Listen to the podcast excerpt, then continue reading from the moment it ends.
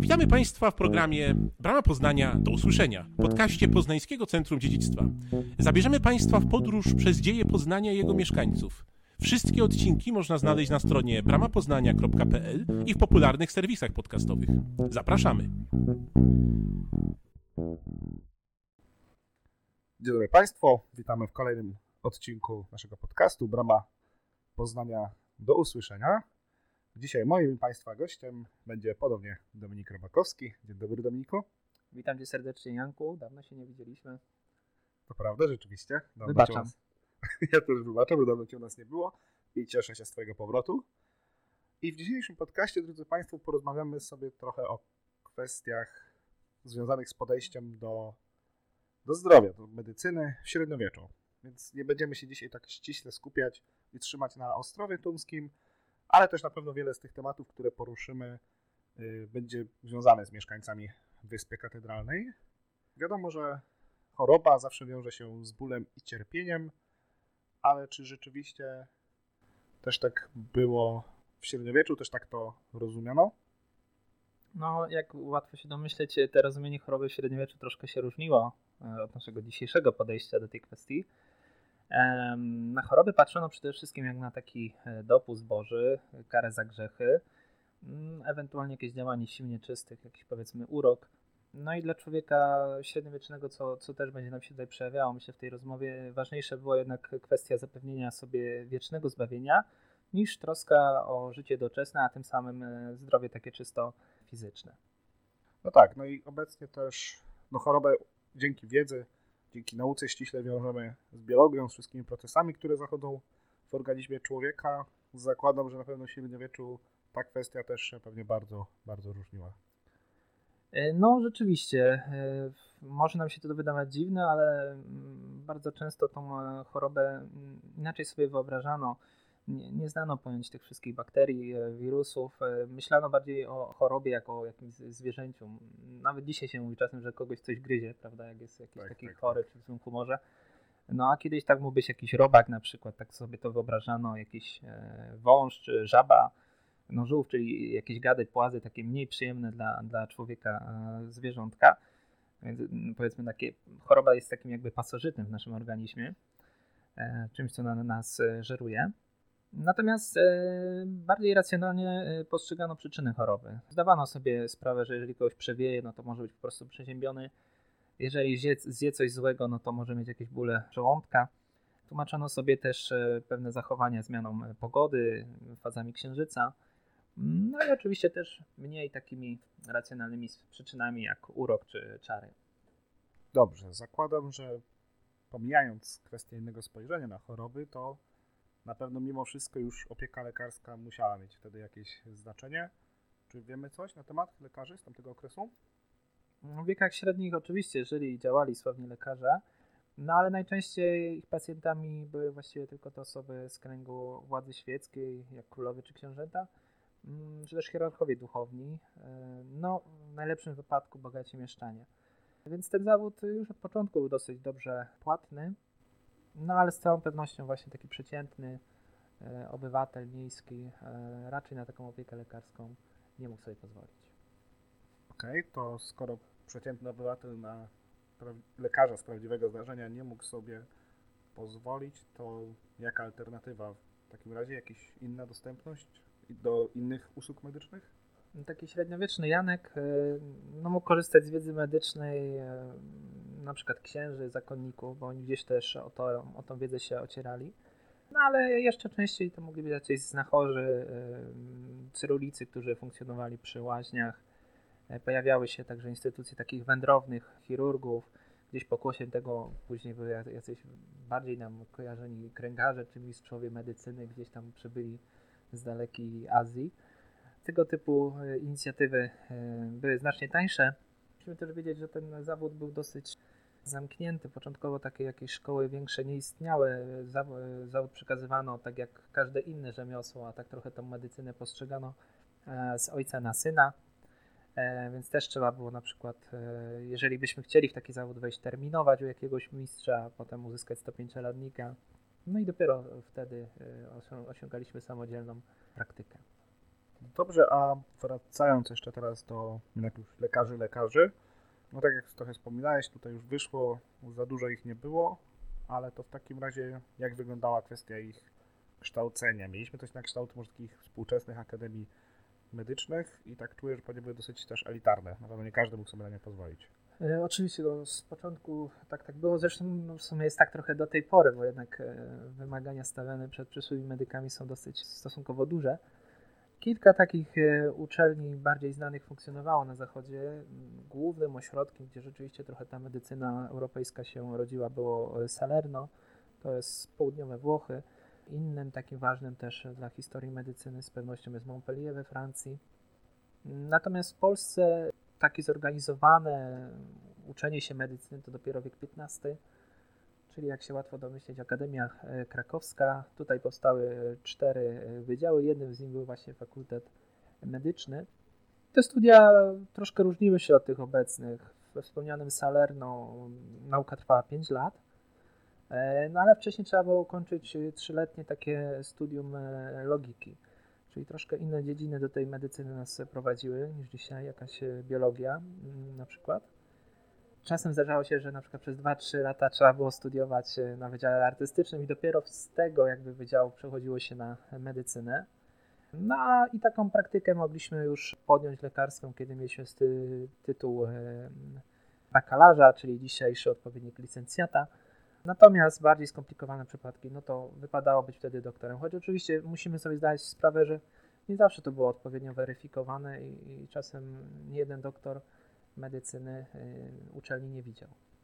Skoro już mamy lekarza wykształconego, to może przejdźmy teraz do relacji lekarza i pacjenta. Czy jakieś standardy w ogóle wtedy obowiązywały? No bo teraz na pewno oczywiście jest etyka lekarska, są różne rzeczy, których lekarz może których nie może. A czy wtedy coś takiego było?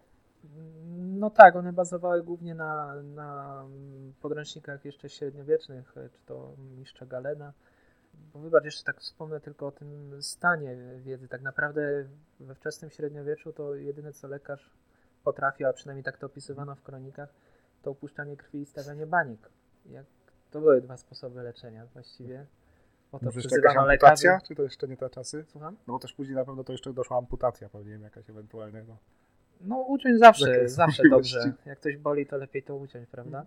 No ale to, to wszystko, jak wiemy, wynika też z niskiego poziomu wiedzy medycznej, takiego dzisiejszego, bo ta wiedza była rozbudowana, tylko szła w trochę inne rejony, bardziej gdzieś teorii humorów, e, równowagi płynów w organizmie, tak? E, no ale jeżeli sobie uświadomimy, że w takim XIII wieku sekcję zwłok wykonywano na przykład co 3 lata, co 5 lat właściwie. Później nie było wiele lepiej, więc naprawdę ta wiedza, zwłaszcza anatomiczna, była stosunkowo skromna. E, więc nawet y, dzisiaj się trochę dziwimy na przykład popularności egzekucji, no ale to nie była tylko rozrywka dla gawiedzi, ale też taka okazja rzeczywiście zobaczenia, jak działa ludzki organizm. E, często właśnie jakieś e, ofiary egzekucji, y, jacyś straceńcy trafiali potem na stoły medyków, żeby po prostu mieli okazję na tych zwłokach powiedzmy drugiej kategorii się z anatomią zapoznać. Dobrze, ale wracając do tematu, bo ty mnie teraz pytałeś, prawda, o relację lekarza, lekarza, lekarza pacjent. No oczywiście one już skomplikowane były w wiekach średnich czasem, ale generalnie zwracano uwagę, no tak chyba jak w każdej dziedzinie życia, że warto, żeby lekarz był uśmiechnięty, żeby nastawiał pozytywnie też e, swojego pacjenta. Już wtedy zauważono ten e, czynnik samopoczucia, mhm. E, że, że tak naprawdę nie tyle leczą same lekarstwa, jakieś specyfiki i zabiegi, co też po prostu to, że, że, że ten pacjent będzie w trochę lepszym humorze. I, ja pamiętam nawet w takich zaleceniach, nawet jeżeli pacjent miał umrzeć, mhm. to starano mu się tego nie mówić raczej nie, nie do końca było, szczer, było się szczerym z takim e, pacjentem. Do końca dawano mu nadzieję, bo mhm. właściwie lekarz wielokrotnie nie mógł nic zrobić poza daniem nadziei. Ale to już było dużo, to już było dużo. Rzeczywiście dużo podobieństw do dzisiejszego, chociaż no może dzisiaj ta szczerość jednak jest trochę większa. Jest większa, oczywiście. Jest większa, tak, odpowiemy, ale rzeczywiście ten wątek, żeby dobrze nastawić pacjenta, powiedzieć mu, że psychika, rzeczywiście morale mają wpływ, to nawet w poważnych chorobach rzeczywiście obecnie bardzo się na to zwraca uwagę. Ok, to skoro już mamy lekarzy, wiemy coś też o ich pacjentach, no to gdzieś musieli ci wszyscy ludzie przebywać i się leczyć lub leczyć, czyli szpitale. Szpitale w tamtym okresie. Coś na ten temat? I to w sumie jest trochę podobna sytuacja, bo tak jak lekarze mieli trochę pocieszać, tak trochę szpitale nie do końca służyły do leczenia. Czasem miały też po prostu poprawić los danej grupy społecznej. Najbardziej byśmy tutaj, mówiąc o takim średniowiecznym szpitalu, bliżej nam będzie do jakiegoś przytułku niż lecznicy. Raczej to było miejsce takie, w którym można było się schronić, gdzie można było przeczekać trudny okres, e, niż koniecznie miejsce, gdzie odbywają się zabiegi, gdzie są jakieś sale operacyjne. Były to takie instytucje e, wielozadaniowe, no i oczywiście były powiązane z tą e, panującą wówczas chrześcijańską zasadą miłosierdzia, opieki nad potrzebującym. To był wręcz obowiązek nałożony na ówczesną społeczność, że mm, jeżeli ktoś jest słaby, no to trzeba pomóc. Chociaż byśmy powiedzieli, nie miałoby to żadnego takiego ekonomicznego czysto sensu. No i w tej postaci bliźniego widziano oczywiście wcielenie samego cierpiącego e, Jezusa. Mamy na to liczne przykłady w, w Ewangeliach. E, więc ten wymóg tutaj religijny właściwie wymuszał powstanie szpitali. Okej, okay, czyli skoro wątek religijny był bardzo ważny przy powstawaniu szpitali, czy słusznie będę zakładał, że w takim razie Kościół w dużej mierze odpowiadał też za pierwsze szpitale? Tak, tak, oczywiście z początku tak e, było. Pod swoje skrzydła brał te wszystkie grupy społeczne, które właśnie były jakby trochę wykluczone z normalnego funkcjonowania. Bo nie mówimy tu tylko o osobach chorych, ale też o dotkniętych ubóstwem, e, starością, e, samotne osoby, tak?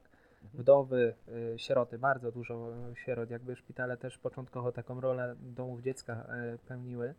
No ale do szpitala mógł też na przykład trafić e, pielgrzym, czyli jakiś cudzoziemiec, czyli osoba, która jakby nie była stąd, nie do końca wszystko może rozumiała, potrzebowała jakiejś mniejszej lub większej e, pomocy, na przykład noclegu czy pożywienia.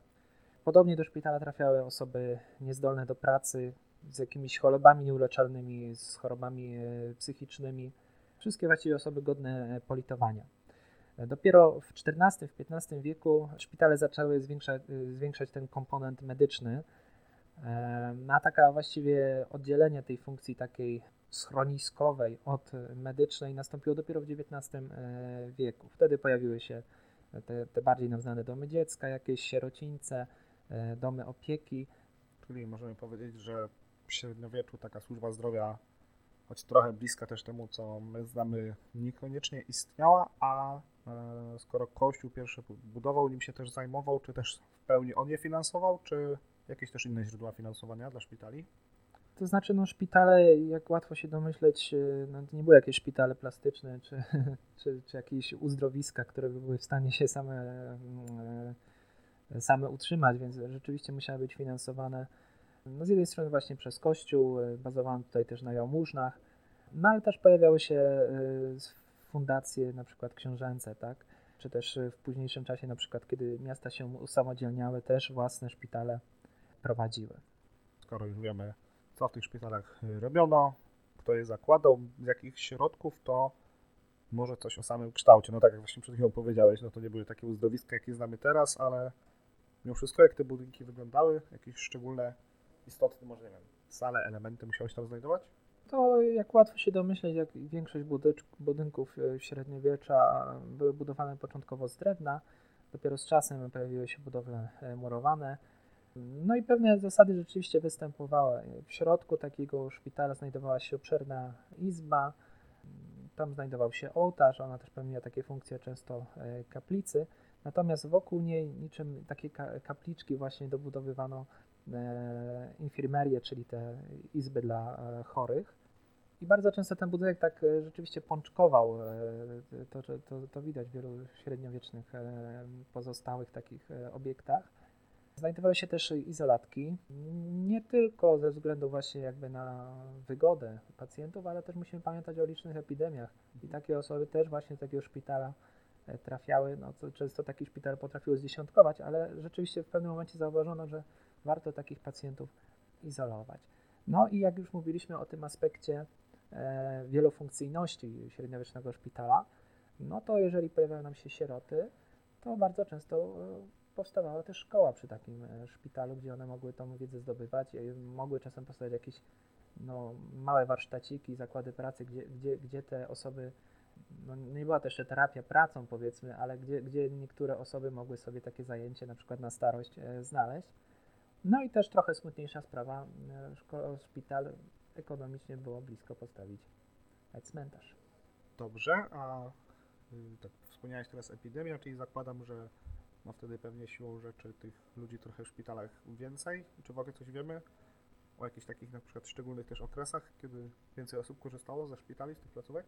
Mm, no czy to było ściśle uzależnione na przykład od pół roku, bo wiadomo, że, że zimą, kiedy te warunki były trudniejsze, zwłaszcza tutaj w północnej Europie, no to e, bardzo dużo żebraków, osób żyjących e, na ulicy e, trafiało pod skrzydła takiego szpitala, takiej placówki opiekuńczej i tu rzeczywiście można było ten chłód czy mróz przeczekać. I tak jak już wspomnieliśmy, na przykład tacy pielgrzymi, kiedy był jakiś odpust, jakieś większe uroczystości religijne, też wtedy więcej tych osób do szpitala e, trafiało. No trochę jak dzisiaj, jak, jak, są jakieś większe wydarzenia, to prawdopodobieństwo, że ktoś na przykład w Sylwestra po fajerwerkach trafi do szpitala jest większe. No tak, rzeczywiście. E, mamy też w tej chwili takie e, zależności. Dobrze, teraz może trochę wchodząc sobie, wejdziemy sobie w strukturę pacjentów. W obecnych czasach dość dużą wagę przywiązuje się do, no, do leczenia dzieci. Bardzo często jednak dbamy o ten sprzęt, rozwijają się szpitale, nieraz się pojawiają jakieś zbiórki na cele różnych dzieci chorych na jakieś ciężkie choroby, żeby im pomóc. I jak to wyglądało w średniowieczu? Czy tam też jakąś szczególniejszą uwagę zwracano na dzieci? Mm, niestety nie. Pediatria jako taka nie istniała. Zresztą to też wynikało z takiego przeświadczenia lekarzy, że znaczy lekarzy, postrzegania też w ogóle człowieka holistycznie bardzo, raczej specjalizacje nie były czymś standardowym. Raczej lekarz dążył do tego, aby mieć jak najobszerniejszą wiedzę o, o ludzkim organizmie. Takie typowe specjalizacje, jakie mamy dzisiaj, jakaś e, okulistyka czy tam e, ortopedia e, nie funkcjonowały. Mm, a co tyczy się samych dzieci, no musimy zdawać sobie sprawę z ich ogromnej śmiertelności w średniowieczu, bo to nie tylko noworodki, E, ale też powiedzmy dzieci nawet do 7-10 roku życia, one często nawet nie były traktowane jako takich e, uczestnicy społeczeństwa, nie występowali na przykład w rejestrach szpitalnych, bo czasem po prostu, no jakby brutalnie to zabrzmiało, nie warto było ich wpisywać. Zaznaczmy, że ten komponent dzieci w szpitalach był dosyć e, duży. Na przykład w Krakowie tam funkcjonował szpital Świętego Ducha, z którego bracia i siostry raz w tygodniu udawali się na taki przemarsz po mieście w poszukiwaniu właśnie chorych, biednych, no ale właśnie w dużej mierze też e, sierot, bo to był poważny problem e, średniowiecza i nie tylko, też późniejszych. Okej, okay, ale sierot dlatego, że rodzice zmarli, czy może bardziej porzucenie, nawet chociażby znane nam z pierwotnej wersji takiej oryginalnej Jasia i Małgosi, dzieci porzuconych w lesie Właśnie przez rodziców. Chcia, chciałem o Jasie i Małgosi wspomnieć rzeczywiście, bo, bo, bo to taka niewinna bajka nam się wydaje, chociaż jak sobie ją przeanalizujemy, to tam się dzieją przerażające rzeczy. Mhm. Palenie babciami w piecach nie jest fajne. No nie, nie polecamy. Um, ale rzeczywiście, no Jaś Małgosia właśnie zostają porzuceni przez swoich rodziców, posłani do lasu. E, trochę takie jak jakieś, nie wiem, porzucanie zwierząt dzisiaj, to trochę tak to wygląda. Natomiast ten problem e, porzucania dzieci był rzeczywiście duży i to nie było właśnie tak jak w telenowelach, prawda, że tam jakaś córka Don Diego e, lądowała w jakimś sierocińcu, tylko no raczej to były sprawy właśnie takie patologiczne. Na ulicę trafiały powiedzmy dzieci ubogie, bo nie wszystkie rodziny oczywiście było stać e, na, na utrzymanie potomstwa. Trafiały tam też na przykład dzieci nieślubne, i właśnie, jak już wspomnieliśmy, skupiał się na nich m.in. ten zakon świętego ducha. Opiekał się także kobietami w ciąży. No i właśnie nawet reguła sama tego zakonu przewidywała taką charytatywną opiekę, wsparcie wobec e, sierot. I powiedzmy, że funkcjonowała nawet taka nieformalna umowa, że takie dziecko u duchaków można było e, porzucić e, i one nawet wtedy miało większe szanse w dalszej przyszłości, bo mogło otrzymać wychowanie, mogło otrzymać wykształcenie. To jest też często powiedzmy taki motyw, który nawet w późniejszych jakichś filmach czy książkach też nam się mhm. pojawia, prawda? Ktoś tam, kto robi karierę po pobycie w sierocińcu. Natomiast mm, istniały też e, coś, co byśmy nazwali oknami życia może dzisiaj. Istniało takie po prostu przekonanie, że w danym miejscu dziecko można zostawić, ono zostanie odnalezione. E, to była na przykład brama szpitalna, czy mhm. też jakaś furta klasztorna Także nawet później tych rodziców nie poszukiwano, bo, no, bo wiedziano, że skoro decydują się na taki ruch, to, to raczej już tego dziecka nigdy nie wychowają. No i były pewne, pewne sposoby ratowania tych dzieci, na przykład papież wydał przywilej, na mocy którego takie dzieci, jeżeli już e, dostały się na studia, powiedzmy, nie było to łatwe, ale na przykład wtedy były z tych opłat e, zwolnione. E, Na dziewczętom starano się zapewnić posag, żeby rzeczywiście jakiś ten start w życie te sieroty miały. Mhm. Czyli chociaż pediatrii jako takiej nie mieliśmy, ale powiedzmy ze strony czy kościoła, czy szpitali e, wsparcie dla sierot było, czy... To jest chyba też w pewnym momencie naturalny odruch się pojawia, Mhm. że, że o ile nie zawsze chcemy pomagać osobom, które z jakiejś z własnej winy, powiedzmy, no nie wiem, pokrzyżowały sobie Mhm. życie, no to jednak no dziecko to jest dziecko. No tak, na pewno dużo więcej współczucia każdym wzbudzi, ale czy ze strony miasta też szpitale czy kościół mogli, mogli liczyć na jakąś pomoc w swoim już pomaganiu tym sierotom? Tak, tak, miasto też jakby zwracało tutaj uwagę na ten problem, no powiedzmy sobie szczerze, w interesie żadnego miasta to nie było, żeby poszlajały się po nim, no może nie istniała, nie istniała wtedy jakaś zorganizowana bardzo turystyka, ale jednak e, no, szlające się takie dzieci, e, raz, że wyglądało to źle, a dwa, że, że- było też niebezpieczne i dla nich i, i powiedzmy w takich środowiskach zawsze też się tworzyły jakieś e, czynniki kryminogenne, powiedzmy, jakieś chociażby najprostsze kradzieże. Więc y, likwidacja tego problemu była też w interesie samego miasta. I wiemy, że taka współpraca między miastem a tymi właśnie sierocińcami czy szpitalami, byśmy powiedzieli, działała. Rada Miejska pomagała wyszukiwać karmiące matki, e, takie mamki po prostu, czyli kobiety, które no mniej więcej w tym samym czasie miały dziecko albo niedawno je odchowały, e, które mogły po prostu e, dać tym dzieciom mleko. Wypłacano też jakiegoś rodzaju e, zapomogi, zapewniano małą wyprawkę, nie nazwałbym tego becikowy może, ale, ale rzeczywiście na jakąś wanienkę, na jakieś podstawowe produkty taka mamka mogła e, liczyć, taka właściwie powstała rodzina zastępcza przy udziale miasta. Niemniej pamiętać musimy to, że śmiertelność była e, wysoka, zwłaszcza właśnie u takich dzieci porzuconych. To są jednak trochę inne czasy, wirusy, bakterie, dostosowanie na przykład takiego dziecka do, do nowej mamki, no nie zawsze się e, udawało. No ale wtedy na szczęście magistrat też pokrywał koszty pogrzebu. Kompleksowa opieka w takim razie, w razie czego do samego końca. Yy, I dobrze, po takim teraz myślę ogólnym, szpitalnym wstępie przejdziemy sobie teraz tutaj trochę do naszego fyrtla, Mhm. do Polski, do Poznania. Czy coś o jakichś pierwszych tutaj szpitalach na ziemiach polskich w ramach takiego wstępu, jak to u nas wyglądało? Jakoś podobnie jak wszędzie indziej? Yy, No tak, tak, bo musimy powiązać sobie tak naprawdę instytucje szpitali z wprowadzeniem e, chrześcijaństwa. No niestety nie mamy zbyt dużo informacji o tym, jak opieka medyczna mogła w czasach e, pogańskich w Polsce funkcjonować. Rozsądek nam e, nakazuje ją kojarzyć raczej z jakąś odpowiedzialnością rodową, prawda, sąsiedzką za, za osoby słabsze. Mhm. No niemniej no żadnego dowodu na istnienie szpitala, bo też gęstość zaludnienia nie była tak duża, powiedzmy, Mhm. e, żeby, żeby jakieś takie ośrodki mm, wielkomiejskie mogły powstawać. E, Raczej, raczej się opiekowano właśnie w gronie sąsiedzkim, rodzinnym. Natomiast no, rzeczywiście przyjęcie chrześcijaństwa to nie tylko właśnie pismo, czy też e, jakieś wzorce budowlane, no ale też chociażby właśnie zaszczepienie tej wiedzy e, medycznej. I takie szpitale właśnie początkowo związane z zakonami, z bis, biskupami, one, one jakby już te gotowe wzorce na zachodzie powstały, więc one były tutaj po, y, najzwyczajniej przeszczepiane. Czyli jak rozumiem, myślę, słusznie zakładam, że pierwsze polskie szpitale to stricte kościół i pewnie gdzieś w ich okolicach w pobliżu powstawały, tak? Tak, tak, no to był ścisły związek w średniowieczu. Jakbyśmy już mieli takie naprawdę pierwsze wskazywać, to mm, wskazywałbym tutaj na stolicę biskupie. Mhm. Bo pierwsze szpitale rzeczywiście przez biskupów były fundowane, bo, bo powiedzmy też nie, ka- nie każdą instytucję na początku na, te, na tak wielkie przedsięwzięcia było stać. No, na ziemiach polskich e, spotykamy już szpitale w wieku XII, w XIII. No i były początkowo rzadkie, więc gdzieś tam jeszcze ta opieka odbywa się w ramach rodzin, ale już w takich większych miastach, no właśnie jak Poznań, jak Kraków, tam ten szpital przy, przy biskupie, przy diecezji e, funkcjonował.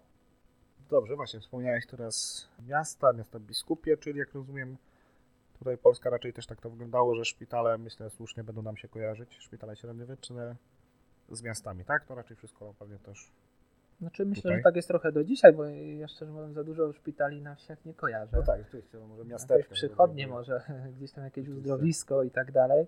Zresztą e, nie wiem, czy wiesz, gdzie szpital znajduje się na rynku? W jakim mieście? Szpital na rynku. Pozna- y, W Polsce w sensie? Polskie miasto ze szpitalem Tak. na rynku? Ba- bardzo dobrze, że pas, bo ja w sumie też nie kojarzę takiego. Szpitale no, nigdy się jakoś w centrach nie znajdowały, No nie. bardziej gdzieś na obrzeżach, e, ale nadal mimo wszystko e, w mieście. I to oczywiście to przez takie magistraty były e, finansowane. Wraz oczywiście z tym, jak miasta, jak władza była w miastach przejmowana przez mieszczan. No i takie szpitale miejskie to na pewno XIII-XIV wiek, Wrocław, Poznań, w Kaliszu też dosyć wcześnie doszło do powstania takiego szpitala. No i one już były fundacją rzeczywiście mieszczańską. Albo też przejmowano te szpitale biskupie, czasem dochodziły do jakichś takich powiedzmy spółek. No i mimo tego jakby ich położenia poza centrum, ścisłym centrum oczywiście, świadczyły w jakiś sposób o prestiżu, o pozycji miasta. No, Bo oczywiście liczył się splendor, liczyło się powiedzmy jakieś okazały ratusz i tak dalej, ale już wtedy zauważano, że troska o, o najbardziej potrzebujących no też jest czymś, co, co sprawia, że to miasto zyskuje na znaczeniu. Wspominałeś o szpitalach miastach biskupich, ale też wcześniej w przypadku dzieci mówiłeś o zakonie duchaków, czy no właśnie też jakieś zakony byśmy mogli tutaj poszukać na liczbach polskich, które się jakoś szczególnie przyczyniły do rozwoju No, medycyny? Właściwie musimy sobie powiedzieć, że, że personel szpitalu może właśnie gdzieś tam z wyłączeniem tych lekarzy, takich właśnie typowych specjalistów, no w dużej mierze składał się z zakonników, e, przede wszystkim sióstr zakonnych, to jeszcze no XX wiek właściwie. No myślę, że nawet teraz jeszcze Ja- niektóre ja się zakony nie- tak Tak, nadal się są zaangażowane i ja myślę, że nie wiem, sytuacja w pielęgniarstwie też może wkrótce zaraz doprowadzić do tego, że zaraz znowu wrócimy do, do sióstr zakonnych na przykład. Ale takie najstarsze zakony, jeżeli chodzi o związane ze szpitalnictwem, e, rodziły się w Ziemi Świętej. Mhm. Właśnie one zajmowały się opieką nad pielgrzymami, a, ale też właśnie ten aspekt medyczny był tam istotny, bo to przecież i, i trochę inny klimat, troszkę inne choroby.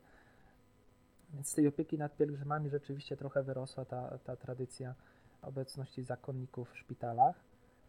Okej, a czy któreś z tych zakonów krzyżowych, które no właśnie będą raczej nam się kojarzyć z Ziemią Świętą, krucjatą, ale też wiemy, że one później wędrowały powiedzmy z powrotem do Europy, czy w średniowiecznej Polsce też ktoś się z nich ulokował później? Tak, no, no oczywiście, to te mm, słynne zakony, które znamy właśnie z, z krucjat, no, nawet można tutaj i, i krzyżaków, prawda, No tak.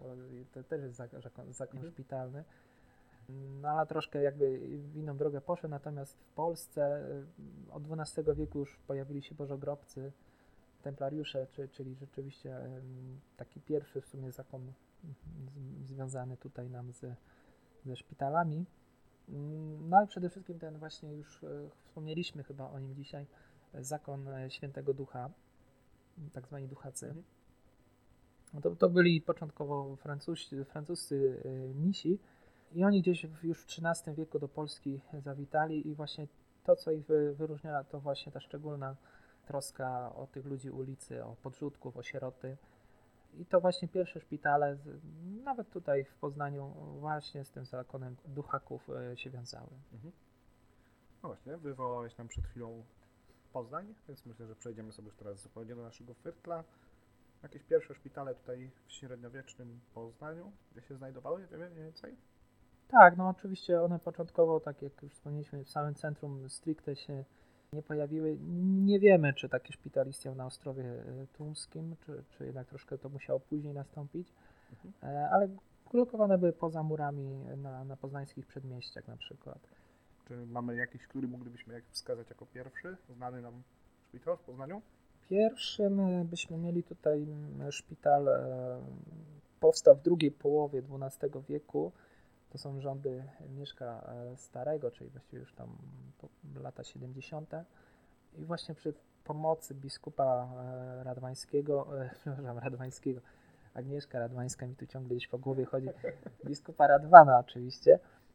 Taki tutaj szpital, ale niestety dokładnej lokalizacji nie znamy w Poznaniu, założyli. I kto go prowadził? Czy to właśnie, już powiedziałeś biskup, czyli pewnie też jakiś kolejny kościelny szpital, tak?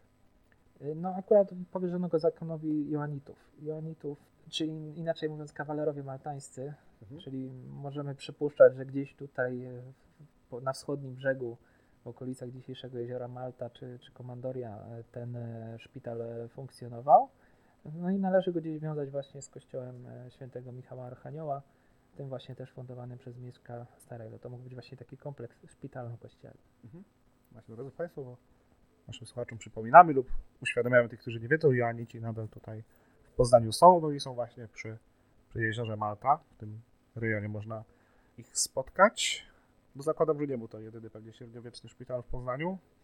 Pojawiły się kiedyś jakieś kolejne? Wiemy coś o nich? Tak, no kolejną mamy nawet już dosyć dokładną datę, rok 1218. Za miastem e, na polecenie biskupa Boguchwała powstaje szpital właśnie już tych wspomnianych kilkukrotnie duchaków, czyli świętego ducha. On znajdował się na północ od e, bramy wronieckiej, czyli byśmy tak powiedzieli od Starego Miasta, bardziej w stronę Cytadeli. Okej, czyli pojawiają się nam też, kole, pojawia nam się kolejny zakon w Poznaniu, byli Joanici, teraz mamy duchacy, których już wspominałeś, bardzo często zakładali szpitale. Znaczy, I- wybaczę ci przerwę, ale oni de facto założyli jeszcze jeden szpital. Mhm. mm, Troszkę później, e, bo to pod drugiej połowie XIII wieku. Też szpital Świętego Ducha. No ale też takie szpitale powstawały troszkę dalej, na przykład na, na Wildzie Świętego Łazarza. Nazwa Łazarz nie jest Mhm. przypadkowa, byśmy powiedzieli sobie, prawda? Mhm. w okolicach ulicy Półwiejskiej, Szpital Świętego Krzyża, czy też w okolicach Placu Kolegiackiego. To też jest ciekawa fundacja Szpital Świętej Gertrudy. Dlaczego ciekawa? Bo tak, znaczy myślę, że może w nazwie coś tam chyba się tu kryje, bo jednak często takie rzeczy kojarzymy z męskimi imionami pewnie. Tak, Tak, Święty tak, Łazarz tak. i tak dalej. Dokładnie, a, a zapominamy trochę o tym, że często imiona jakichś właśnie fundacji były związane też e, z, z fundatorem. Mhm. E, I rzeczywiście fundatorem e, Szpitala Świętego Gertruda była, jak się domyślasz, kto? Pewnie jakaś Gertruda. Gertruda. Tak, Gertruda Peszlowa to była wdowa po bogatym poznańskim kupcu Mikołaju, no ale to już jest przykład właśnie takiej miejskiej fundacji, Mhm. gdzie ten bogaty patrycjat tutejszy mógł rzeczywiście taki e, szpital fundować. Dobrze, czyli mamy już kolejny w sumie wątek osób zakładających szpitale w Poznaniu. Był już kościół dosyć szeroko wymieniony. Tutaj teraz takie miejskie, patrycjuszowska powiedzmy fundacja, czyli wielkopolscy władcy. Wspomniałeś już o Mieszku Starym, ale czy może ktoś Mm. jeszcze? Nie, No. oczywiście, oczywiście. No, władza też polega na tym właśnie, że, że, że, że możemy takie wielkie inwestycje powiedzmy e, realizować. No i mieszka już mieliśmy, em, no to jedziemy sobie dalej. e, Też przemysł pierwszy. Tutaj wiemy, że szpital e, świętego Jana w Gnieźnie z jego fundacji był. Przemysł drugi z kolei fundował, e, no to już w latach 90. XIII wieku e, fundował e, szpital w Pyzdrach. Pyzdry też były właściwie takim obok Gniezna, Kalisza, mm, najważniejszym wielkopolskim miastem w tamtych czasach. Dobrze, myślę, że tutaj sobie zrobimy teraz taką dłuższą pauzę, ponieważ myślę, że dostarczyliśmy Państwu dosyć solidną porcję informacji na temat, tak powiedzmy, ogółu o, o średniowiecznej medycynie, czy już Państwo trochę wiedzą, gdzie i kto leczył i za czyje pieniądze. I myślę, że gdzieś w następnej części, która się też na pewno, drodzy Państwo, pojawi, prosimy Was śledzić, opowiemy sobie już tak konkretniej o tym, jak Mhm. leczono. Bardzo chętnie. Ja tylko dodam może jeszcze na koniec, że no tak jak w wielu innych dziedzinach życia, będziemy widzieć, jak pod koniec średniowiecza to wszystko ulega centralizacji, gdzieś te wszystkie próby y, zostają łączone w jeden system. y, Medycyna będzie coraz bardziej specjalistyczna.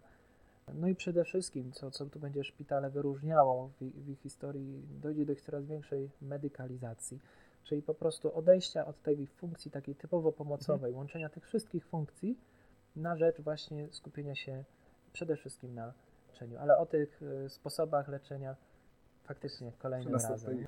okazji.